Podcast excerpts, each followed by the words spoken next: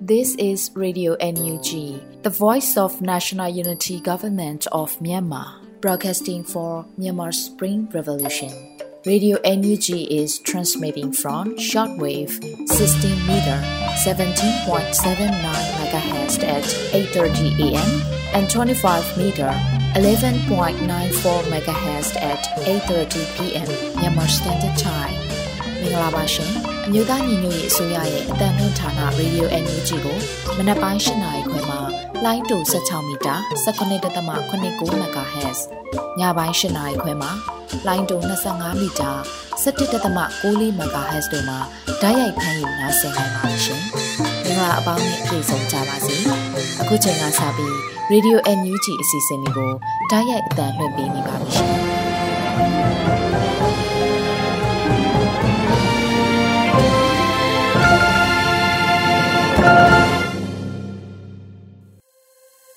မြန်မာနိုင်ငံသူနိုင်ငံသားအပေါင်းတဘာဝပေးဆရာနာရှင်ပေတို့ကနေကင်ဝေးပြီးကိုစိတ်နှစ်ပါးဘေးကင်းလုံခြုံကြပါစေလို့ရေဒီယိုအန်ယူဂျီဖွဲ့သားများကဆုတောင်းမေတ္တာပို့သလာရပါတယ်ရှင်။အခုချိန်ကစပြီးကာကွယ်ရေးဝန်ကြီးဌာနရဲ့စီရေးသတင်းချင်းချုပ်ကိုတော့မျိုးဦးမှုမှဖတ်ကြားတင်ပြပေးပါရမရှင်။မင်္ဂလာပါခင်ဗျာ။အမျိုးသားညီညွတ်ရေးအစိုးရကာကွယ်ရေးဝန်ကြီးဌာနမှထုတ်ဝေသောနေ့စဉ်စီရေးသတင်းအချင်းချုပ်များကိုတင်ပြသွားပါမယ်။ ဤသတင်းများကိုမြေပြင်သတင်းတောင်ဝန်ခံတွေနဲ့ခိုင်လုံသောမိဖက်သတင်းရင်းမြစ်တွေမှာဖော်ပြလာသောအချက်အလက်များပေါ်အခြေခံပြုစုထားခြင်းဖြစ်ပါတယ်ခင်ဗျာယနေ့မြန်မာတနိုင်ငံလုံးအတိုင်းအတာအနေနဲ့စစ်ကောင်စီတပ်သား25ဦးသေဆုံးပြီးစစ်ကောင်စီတပ်သားစုံစမ်းဆဲဒဏ်ရာရရှိခဲ့ပါတယ်ပထမဆုံးအနေနဲ့စစ်ကောင်စီနဲ့တိုက်ပွဲဖြစ်ပွားမှုများကိုတင်ပြသွားပါမယ်မွန်ပြည်နယ်တွင်စက်တင်ဘာလ24ရက်နေ့ကတံဖြူဇရက်မြို့နယ်တံဖြူဇရက်မှ ရေးမြို့ဘက်သို့စစ်ကောင်စီကဆယ်စည်းပါရင်တန်းဖြတ်တန်းသွားလာစဉ်တောင်ညိုပြည်သူ့ပျောက်ကြားတပ်ဖွဲ့မှခြုံခိုပစ်ခတ်တိုက်ခတ်ခဲ့ရာကား၃စီးပျက်စီးသွားခဲ့ပြီးစစ်ကောင်စီတပ်သား20ဦးထပ်မံတေဆုံးခဲ့ကအဆိုပါစစ်ကောင်စီရင်တန်းကအေးကဘာရွာအနီးတွင်ကားများရက်ကကျေးရွာအတွင်းသို့လက်နက်ကြီးလက်နက်ငယ်များဖြင့်ရန်တမ်းပစ်ခတ်ရာအေးကဘာရွာမှအသက်18နှစ်အရွယ်အမျိုးသမီးတဦး တည်ဆုံသွားခဲ့ကြောင်းသိရပါတယ်။စက်တင်ဘာလ24ရက်နေ့ည9နာရီ10မိနစ်ခန့်ကတထုံမြို့နယ်ကမာဆိုင်ကွက်တဲ့မိဆိုင်တောင်အနီးတွင်စစ်ကောင်စီရင်နှန်းကို KNLA PDF တပ်ရင်းနှင့်တက်ခွဲသုံးပူးပေါင်းအဖွဲ့မှကားမိုင်း၃လုံးဆွဲ၍ 79mm ရှစ်ချက်ပစ်ခတ်ခဲ့ရာစစ်ကောင်စီကားကြီး2စီးကားလေး2စီးစုစုပေါင်းစစ်ကောင်စီကား၄စီးပျက်စီးသွားခဲ့ပါတယ်။ ည10နာရီခန့်တွင် လူနာတင်ကား9စီးရောက်လာ၍ဒဏ်ရာရစစ်ကောင်စီတပ်သားများကိုတည်ယူသွားခဲ့ပါတယ်။စကိုင်းတိုင်းတွင်စက်တင်ဘာလ24ရက်နေ့မနက်8နာရီခန့်ကမြောင်မြို့နယ်လက်ရမရွာတွင်တက်ဆွဲထားသောစစ်ကောင်စီတပ်များကို TGR Women Drone Force အဖွဲ့မှဘုံခွဲတိုက်ခတ်ခဲ့ကြောင်းသိရပါတယ်။မန္တလေးတိုင်းတွင်စက်တင်ဘာလ25ရက်နေ့နေ့လယ်3:15မိနစ်ခန့်ကမြင်းချံမြို့နယ်နဘူးအိုင်ရွာမှ မြင်းချံမြို့သို့သွားသောစစ်ကောင်စီကားတစ်စီးရဲကားတစ်စီးအားနေမြေကန် LDF မြန်မာမိုင်းဆွဲတက်ခတ်ခဲ့ရာကားတစ်စီးထိခိုက်ပျက်စီးပြီးစစ်ကောင်စီများထိခိုက်မှုရှိကြောင်းသိရပါတယ်။တနင်္သာရီတိုင်းတွင်စက်တင်ဘာလ24ရက်နေ့မနက်6နာရီခန့်ကဒဝယ်မြို့မှကလိန်အောင်တို့ဦးတီလာသည့်စစ်ကောင်စီကား9စီးကိုဒေသကာကွယ်ရေးအဖွဲ့ကရေဖြူမြို့နယ်တက်ကဲကွက်တွင်မိုင်းဆွဲခဲ့ရာ စစ်ကောင်စီ9ဦးခန့်တေဆုံး၍အများအပြားဒဏ်ရာရရှိခဲ့ပါတယ်ခင်ဗျာဆက်လက်ပြီးစစ်ကောင်စီကျွလွန်သောရာဇဝတ်မှုများကိုတင်ပြသွားပါမယ်။မွန်ပြည်နယ်တွင်စက်တင်ဘာလ24ရက်နေ့မနက်2နာရီခန့်ကရေးမြို့နယ်ကလော့ကျေးရွာနေအသက်35နှစ်အရွယ်ဦးနိုင်ဦးကိုရောဘာချန်တို့အသွားလမ်းတွင်ညကင်းဘုံဝန်းနေသည့်စစ်ကောင်စီတပ်ကပစ်ခတ်ခဲ့ရာတိတ်ဆုံးခဲ့ရပါတယ်ခင်ဗျာ။ရခိုင်ပြည်နယ်တွင် စက်တင်ဘာလ25ရက်နေ့မနက်9နာရီခန့်ကမြောက်ဦးမြို့နယ်မြောက်ဦးမြို့နန်းရိပ်ဂရုဏာအောက်ဆီဂျင်အသင်းဥက္ကဋ္ဌကိုတန်းထွန်းနဲ့အကိုဖြစ်သူကိုကျော်တန်းနိုင်တို့ကိုစစ်ကောင်စီမှလာရောက်ဖမ်းဆီးခဲ့ကြောင်းသိရပါတယ်။စက်တင်ဘာလ25ရက်နေ့မနက်တနာရီခန့်ကမင်းပြားမြို့နယ်မင်းပြားမြို့ထဲသို့စစ်ကောင်စီတပ်သားများကားတစ်စီးစိုင်းကဲနှစ်စီးဖြင့်ဝင်ရောက်လာပြီးအလဲပိုင်းရက်ကွက်ကန်းနာလမ်းမှဥအောင်ကြည်ဝင်း မြစ်တာမုံအိမ်ဆောက်ပစ္စည်းအယောင်းဆိုင်နဲ့ဦးဝင်းသိန်းငွေလွှဲငွေပြောင်းလုပ်ငန်းတို့၏နေအိမ်နှလုံးကိုလက်နက်ကြီးလက်နက်ငယ်များဖြင့်ပစ်ခတ်ခဲ့သည့်အတွက်နေအိမ်နှလုံးထိခိုက်ပျက်စီးသွားကြောင်းသိရပါတယ်ခင်ဗျာစကိုင်းတိုင်းတွင်စက်တင်ဘာလ25ရက်နေ့မနက်9:00နာရီခန့်ကဝက်လက်မြို့နယ်လှတော်ရွာတွင်တက်ဆွဲထားသောစစ်ကောင်စီတပ်ဖွဲ့များကရွာသားကြီးရွာကိုလက်နက်ကြီးများဖြင့်ပစ်ခတ်သောကြောင့်ပြည်သူ30ဦးခန့်ထိမှန်ဒဏ်ရာရခဲ့ပြီးနေအိမ်များကိုလည်း မီးရှို့ဖျက်ဆီးခဲ့ကြောင်းသိရပါတယ်ခင်ဗျာစက်တင်ဘာလ24ရက်နေ့မနက်9:00နာရီခန့်ကစလင်းကြီးမြို့နယ်တွင်တက်ဆွဲထားသောအင်အား120ပါစစ်ကောင်စီစစ်ကြောင်းကစလင်းကြီးလမ်းမတွင်ရှိသောကျေးရွာများကိုစစ်ကြောင်းထိုးဝင်ရောက်၍နေအိမ်များကိုမီးရှို့ဖျက်ဆီးခဲ့ကြောင်းသိရပါတယ်။တနင်္သာရီတိုင်းတွင်စက်တင်ဘာလ24ရက်နေ့နေ့လယ်12နာရီ28မိနစ်ခန့်ကပုတ်ပြင်းမြို့နယ်ခလာရ224ခမရ959ခမရ 996တပ်များပူးပေါင်းကစစ်ကောင်စီတပ်သား90ကျော်ခန့်ဝဒင်းဝချောင်းပတ်တွင်ရှိသည့်ဥယျာဉ်ချက်များထက်ရှိပြည်သူများအားလိုက်လံဖမ်းဆီးနေပြီးချန်ရှင်3ဦးအားဖမ်းဆီးသွားကြောင်းသိရပါတယ်ခင်ဗျာရန်ကုန်တိုင်းတွင်စက်တင်ဘာလ24ရက်နေ့ကတာမွေမြို့နယ်တတိပဋ္ဌာန်လန်ထွေးကျွဲရွက်ကမလူငယ်3ဦးကိုစစ်ကောင်စီအဖွဲ့ဝင်များမှဖမ်းဆီးသွားခဲ့ပါတယ်စက်တင်ဘာလ24ရက်နေ့မနက်10:45မိနစ်ခန့်က ရွှေပြည်သာမြို့နယ်အမှတ်30ရပ်ကွက်ဇေယသိတ်တီလန်းတွင်လူငယ်လေးဦးကိုစစ်ကောင်စီအဖွဲ့ဝင်များမှဖမ်းဆီးသွားခဲ့ပါတယ်ခင်ဗျာဟုတ်ကဲ့ပါအခုတင်ပြခဲ့တာကတော့အမျိုးသားညီညွတ်ရေးအစိုးရကာကွယ်ရေးဝန်ကြီးဌာနမှထုတ်ဝေသောနေ့စဉ်စီးရီးသတင်းအချင်းချုပ်များပဲဖြစ်ပါတယ်ကျွန်တော်ຫນွေဦးမို့ပါ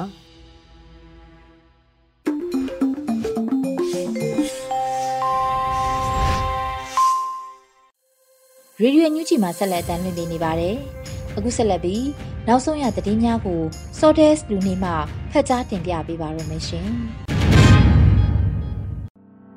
မင်္ဂလာပါခင်ဗျာ။ခုချိန်ရစပြီးမနက်ပိုင်းပြည်တွင်သတင်းများကိုတင်ပြပေးသွားပါမယ်။ကျွန်တော် Sortes လူနေပါ။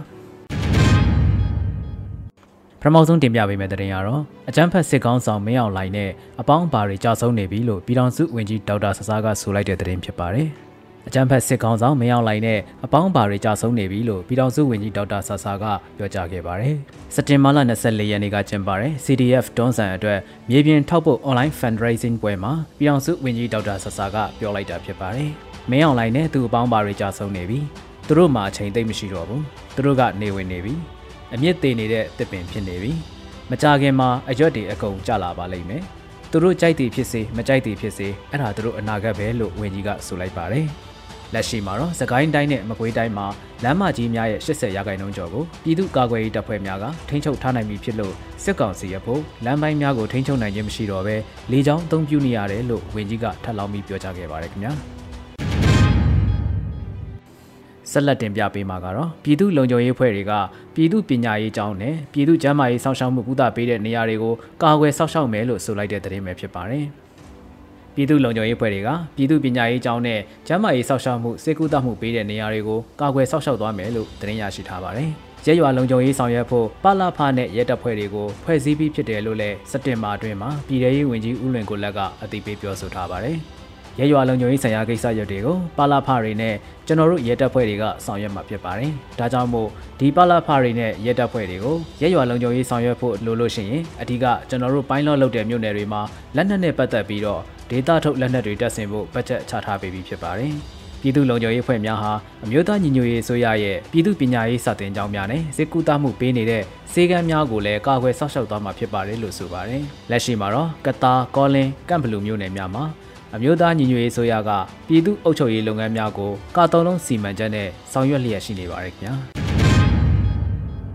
အခုဆက်လက်ပြီးလူသားချင်းစာနာမှုကူညီပေးအပ်ရာမှာမြို့သားညီညွတ်ရေးဆိုရ NUG နဲ့ဗိတ်ဖက်ဆောင်ရွက်မှုတိုးချဲ့တင်တယ်လို့လူခွင့်ရေးဆိုင်ရာဝန်ကြီးရှင်းလင်းပြောဆိုခဲ့တဲ့သတင်းကိုဆက်လက်တင်ပြပေးပါမယ်။လူသားချင်းစာနာမှုကူညီပေးအပ်ရာမှာမြို့သားညီညွတ်ရေးဆိုရ NUG နဲ့ဗိတ်ဖက်ဆောင်ရွက်မှုတိုးချဲ့တင်တယ်လို့လူခွင့်ရေးဆိုင်ရာဝန်ကြီးဦးအောင်မျိုးမင်းကပြောကြားခဲ့ပါတယ်။စက်တင်ဘာ23ရက်နေ့က တပရင်းမြို့နယ်လက်ရုပ်ကုန်းကြီးရွာမှာစာတင်ကျောင်းလေကျောင်းတိုက်ခိုက်ခံရမှုဖြစ်စဉ်နဲ့ပတ်သက်ပြီးတန်တမန်ရေးရာရှင်းလင်းပွဲမှာလူခွင့်ရေးဆိုင်ရာဝန်ကြီးကပြောကြားခဲ့ပါတယ်။ကုလသမဂ္ဂအဖွဲ့ဝင်နိုင်ငံတွေကမြန်မာနိုင်ငံရှိကုလသမဂ္ဂဌာနေအဖွဲ့နဲ့ကုလသမဂ္ဂအေဂျင်စီတွေရန်ပုံငွေနဲ့အစီအစဉ်တွေကို၎င်းတို့ရဲ့လုပ်ငန်းဆောင်ရွက်ချက်တွေကအာဏာသိမ်းစစ်တပ်ကိုတရားဝင်မှုမဖြစ်စေရဘူးဆိုတဲ့ရှင်းလင်းပြသတဲ့သတင်းစကားတရက်ပေးပို့ရမှာဖြစ်ပါတယ်။ ကုလသမဂ္ဂဌာနေအဖွဲ့ကလိုအပ်နေတဲ့ပြည်သူအလုံးထံလူသားချင်းစာနာမှုကူညီပေးအပ်ရာမှာအမျိုးသားညီညွတ်ရေးဆိုရ NUG တိုင်းရင်းသားအဖွဲ့အစည်းတွေရပ်ဖက်ဖွဲ့စည်းတွေနဲ့မိဖက်ဆောင်ရွက်မှုတိုးချဲ့တင်တယ်လို့ဆိုပါတယ်။လက်ရှိမှာစစ်ကောင်စီဟာလူသားချင်းစာနာမှုအကူအညီကိုရခိုင်ပြည်နယ်ရှိမြို့နယ်များကို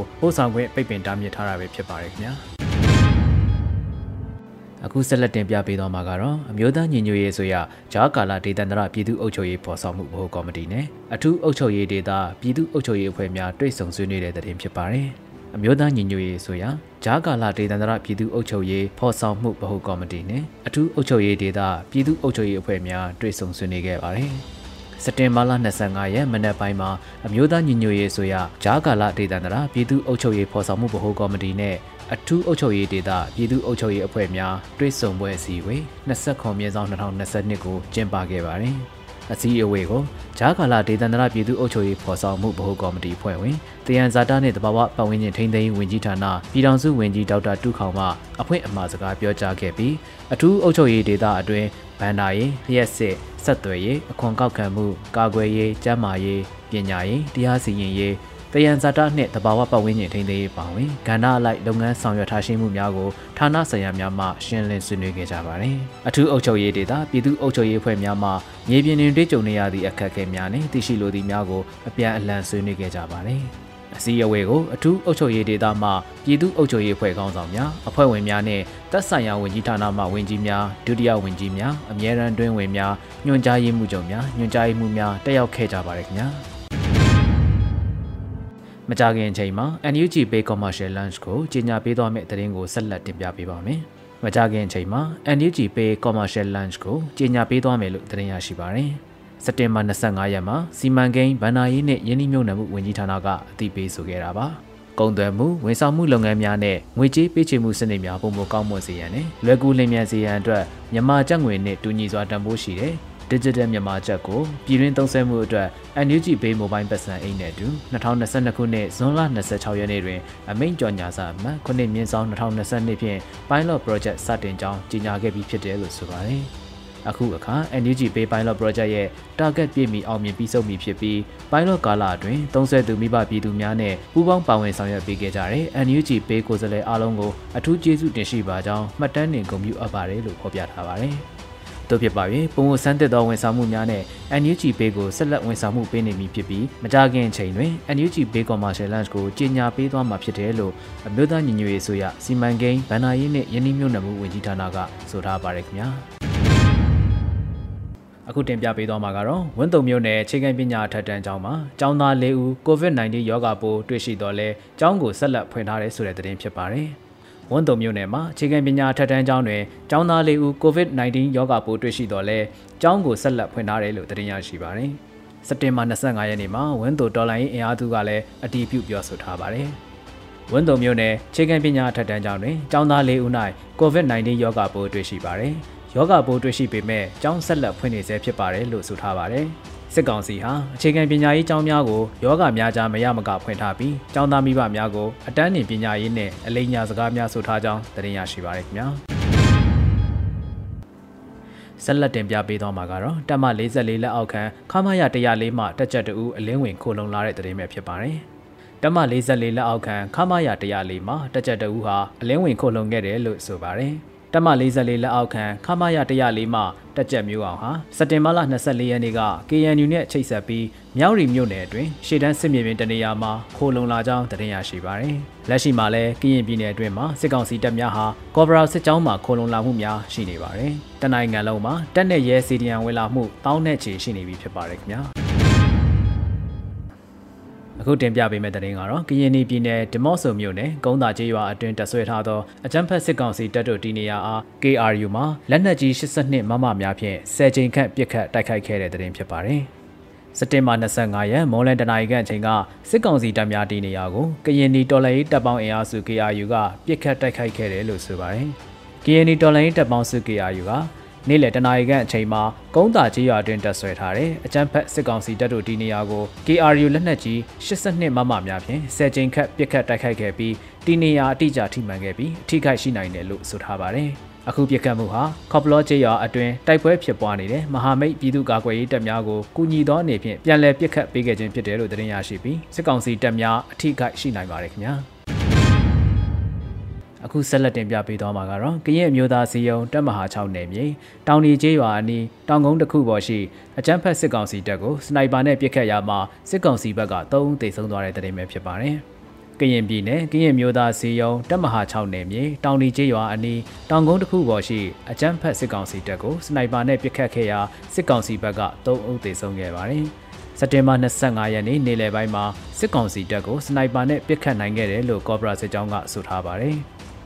ရင်မျိုးသားစီယုံတပ်မဟာ6နယ်မြေတောင်နေကျေးရွာအနီးတောင်ကုန်းတစ်ခုပေါ်ရှိကျန်းဖက်စစ်ကောင်စီရဲ့တပ်မ44လက်အောက်ခံခမရ104အား KNLA တပ်ရင်း20ခွန်ကော့ဘရာစစ်ကြောင်းနှင့်တပ်မဟာစစ်ကြောင်း၏တပ်ခွဲနှစ်တို့ပူးပေါင်းတပ်ဖွဲ့များမှလက်ဖြောင့်စနိုက်ပါစစ်သည်များ၏ဆန်းဆောင်ချက်ဖြင့်စက်တင်ဘာ25ရက်နေ့နေ့လယ်ပိုင်းမှာကျန်းဖက်စစ်ကောင်စီဘက်မှ3ဦးသေဆုံးခဲ့ပါတယ်လို့ဖော်ပြထားပါတယ်။စစ်ကောင်စီတပ်များနဲ့ကရင်ပြည်နယ်ရှိကော့ဘရာစစ်ကြောင်းတို့ဟာနေ့စဉ်ထိတွေ့ပစ်ခတ်မှုတို့ရှိနေတယ်လို့သတင်းရရှိပါရခင်ဗျာ။ အခုတင်ပြပေးခဲ့တဲ့သတင်းတွေကိုတော့ Radio NEG သတင်းတောက်မင်းမင်းကပေးပို့ထားတာပဲဖြစ်ပါတယ်။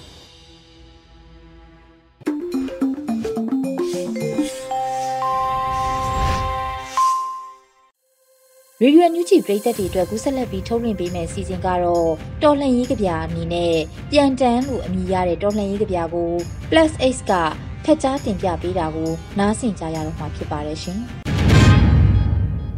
ပြန်တန်း ရဲဘော်သည်စစ်အာဏာရှင်စနစ်အားအပြည့်သက်ချိန်မုံရေးအတွက်တိုက်ပွဲဝင်နေစဉ်လမ်းခုလက်တွင်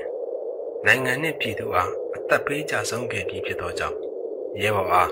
ငါတို့တရဲမှကောင်းယူစွာဥညွတ်အလေးပြုပါကြောင်းနှင့်ရဲဘော်အနေဖြင့်ယနေ့မှစ၍ငါတို့တရင်နှင့်သက်ဆိုင်မှုမရှိတော့ဘဲတင်သွားလို့ရသောလွတ်လပ်စွာသွားနိုင်မည်ဖြစ်ကြောင်းအမိန့်ပြန်တမ်းထုတ်ပြန်လိုက်သည် ငါဒီစာကိုဖတ်အပြီးမှာလိပ်ပြအနက်တွေထားပြန်မသွားပန်းအိုးအနေတွေကြောက်ပဲမသွားမိကိုအငွေ့တွေထောင်လို့တက်မသွားကောင်းကင်ဟာပုံမှန်တက်ညိုရင့်နေတယ်လို့တွေ့ရတာတတ်တော့တတ်တာမရှိလာဘူး။ငါညာအိတ်ရင်အိမ်မက်မက်ပြီးမင်းကိုပြန်တွေ့ရမှကြောက်တယ်။တာကြီးဟာငါ့ကိုဝီလေးတစ်ခွာလောက်တိုက်ပါအောင်လို့မင်းပြောတာမျိုး။မင်းဖြစ်ဖြစ်ငါဖြစ်ဖြစ်အရင်ကြသွားတဲ့ကောင်အတွက်နောက်တစ်ကောင်က ငိုကြီးချက်မှမနေဘူးပြောခဲ့တာမျိုး။ငါတို့ရဲ့အဆုံးမဲ့ပန်းနိုင်ဟာလူရန်သားညီမျှမှုပဲတဲ့။မင်းကိုမတ်နဲ့လီနဲ့ဆက်မွေးထားတဲ့ကွန်မီကောင်လို့မခေါ်ချင်တော့ပါဘူး။မင်းကားတဲ့ရဲဘော်ချေကအခုတော့မင်းကိုဘုရားမရှိတရားမရှိလို့ပြောခဲ့တယ်ဖို့ကြီးကစော်ကြီးရဲ့ profile picture တဲ့မင်းတို့တမကအကောင်တွေစစ်ပွဲရဖို့ထားအော်တော့စောက်ကလေးတွေကိုယ့်အလုပ်ကိုမလုပ်ဘူးပြောခဲ့တဲ့ဘေးကြီးတွေကလည်း အခုမင်းနိုင်တဲ့တဲ့ကိုတရစကြီးလောင်ပြနေတယ်ငါကောင်ကြီးပြန်တန်းတွေကစကလုံးတွေကိုမင်းမနာခံဘူးဆိုတာငါသိပါတယ်အဲ့ဒီသွားလို့ရသွားနိုင်ပြီဆိုတာကမင်းအတိလဲကျွေတဲ့စကန်ကြီးဟာချမ်းချမ်းဆိုတဲ့စော်လေးစီမဟုတ်မှန်း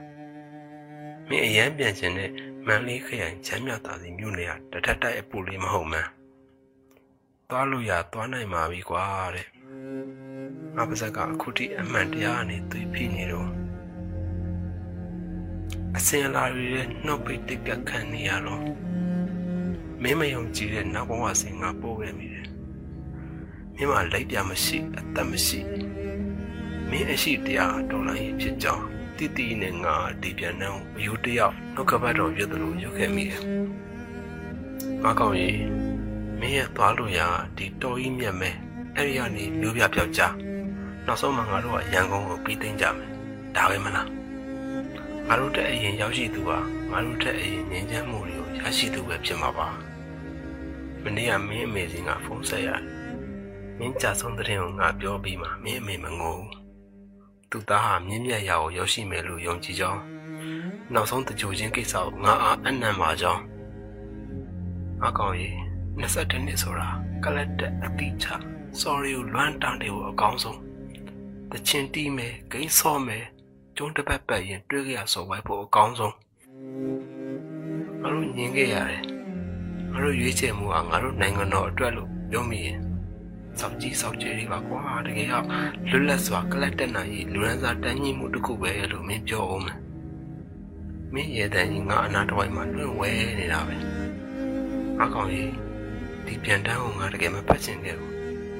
ဒီစောင်းမြက်ရည်ရောဒီပြန်တန်းဖတ်တဲ့ချိန်မှာဒီလိုစီးကြနေရလား ငါတို့ကြောင်မပြီးသေးဘူးစော်မရဘူးကြသေးဘူးအခုမင်းကမရှိတော့ဘူးဒီပြန်နန်းနဲ့စာသားတွေကငါတို့ဘဝတွေကိုတတိုင်းလို့ချားပစ်တာငါတို့ရဲ့ဘဝတွေကိုစောက်ယူတစုကတတိုင်းလို့ချားပစ်တာငါတို့နဲ့မင်းကြားနိုင်ရန်ဘာအလွာတွေကတတိုင်းလို့ချားပစ်တာတန်လွန်မြစ်ဘေးကတောင်ကမှုတစ်ခုအောက်ကမြင်းမြုံမိုင်းတွေကတတိုင်းလို့ချားပစ်တာ မင်းရဲ့တစားစီပြထွက်နေတဲ့ဓာတ်ပေါ်တွေကငါစီပဲသောအခါမှာမေးဖြောက်ပြစ်မရတဲ့ဆောင်းညအိမ်မဆိုရင်ငါတို့နဲ့ဒီပစ္စည်းတွေကဘလို့လှုပ်လာပြီးပတ်သက်သွားရတာလေတဲ့ AK47 ကိုစကင်ဘူးတော့မင်းပြောတဲ့အတန်ကြီးငါနားရဲ့အတောင်းလိုက်ဝင်နေတယ်တကယ်တော့ငါတို့က Brave Bar ထဲမှာချီရှားကိုအငွေ့ပြောက်ရှိုက်ပြီးမန်းလေးတညလုံးကိုအပိုင်သိမ်းမှုစ조사နေမဲ့ကောင်းနေပဲဖြစ်တဲ့အ ခုတော့ဂုံယူစွာဥညစ်ပါဤနဲ့ပြီးသွားရပါအကောင်ကြီးဒီဆောင်မှာဖတ်ပြီးသွားပြီမင်းလက်ရှိသွားလို့ရငါတို့လက်ရှိရောက်ရရဲ့ဒါမှမဟုတ်တန်လွန်မြစ်ပေးရပျောက်ကြားတိုက်ပွဲဒါပဲမဟုတ်လားငါတို့အတူရောက်ခဲ့ကြတယ်မင်းကငါ့တက်အရင်ရောက်နေသွားတယ်အခေါ်ငွေပြီဆိုလို့ငါတို့ယုံကြည်တာကလည်း ဝိဖွာပြီးထွက်လာတဲ့အစိမ်းအောင်တန်အငွေတွေပဲမဟုတ်လားကောင်းကင်မှာပြေးလွှားနေကြတဲ့တိမ်တွေကတကယ်ရှိကောင်းရှိကြမယ်ထင်ပါရဲ့မင်းရဲ့ရဲဘော် Black X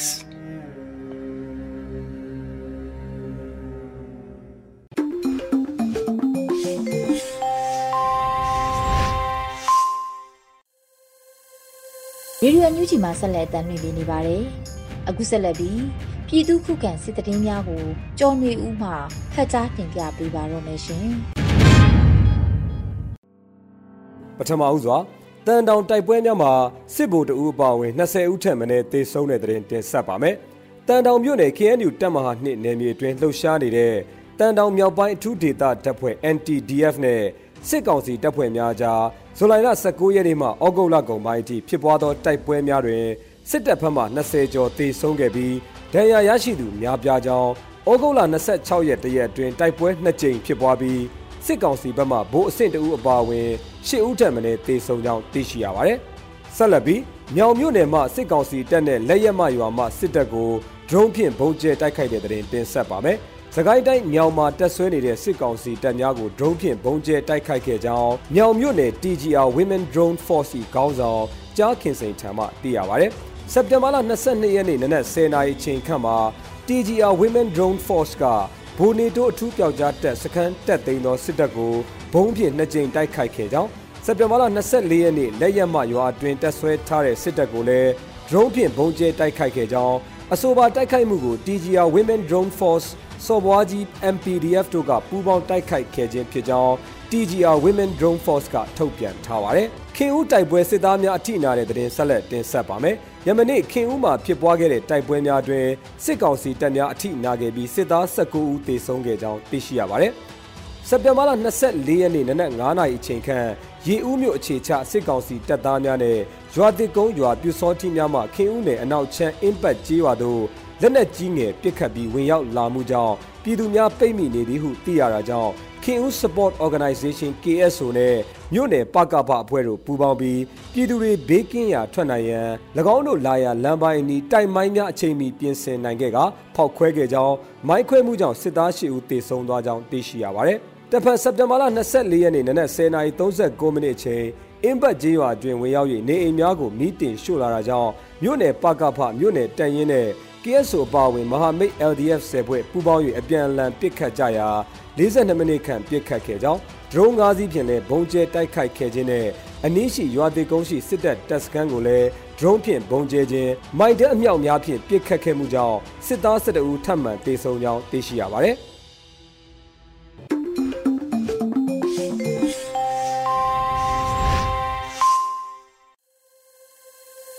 ရေဒီယိုညူဂျီပရိသတ်တွေအတွက်ကူးဆက်လက်ပြီးထုတ်လွှင့်ပေးမယ့်အစီအစဉ်ကတော့တော်လှန်ရေးတိဂီတာအစီအစဉ်ဖြစ်ပါတယ်။ဆရာမျိုးနဲ့ PDF တပ်ဖွဲ့ဝင်ရဲဘော်ရဲမေများတီးဆိုထားတဲ့ပြည်သူ့အတွက် PDF လို့အမည်ရတဲ့တော်လှန်ရေးတိဂီတာကိုနားဆင်ကြရတော့မှာဖြစ်ပါတယ်ရှင်။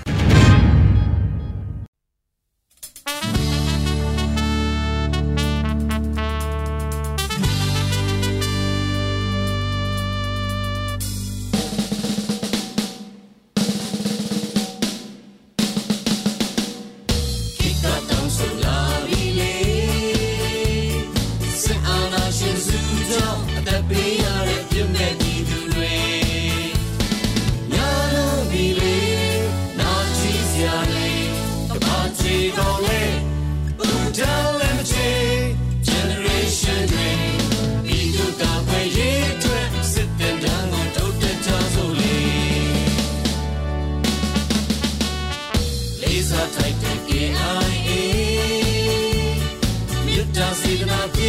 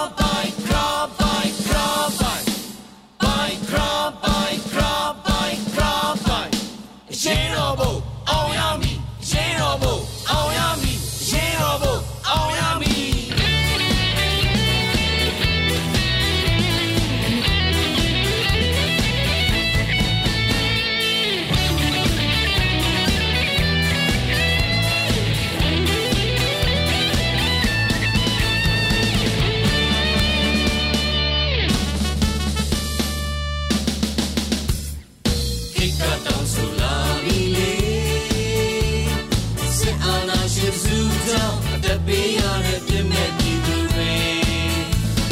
ညာလုံးဒီလေနာကြည့်စရာတွေ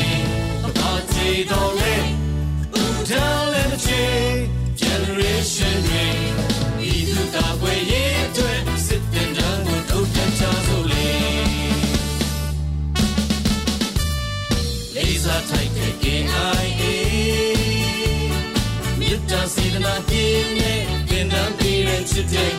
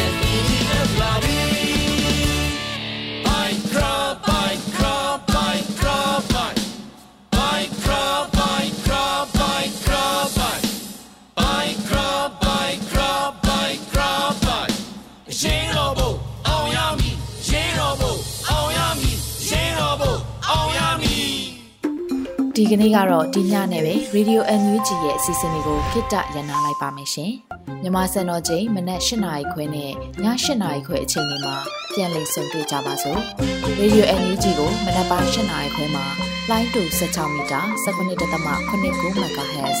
ညပိုင်း၈နာရီခွဲမှာလိုင်းတူ25မီတာ17.6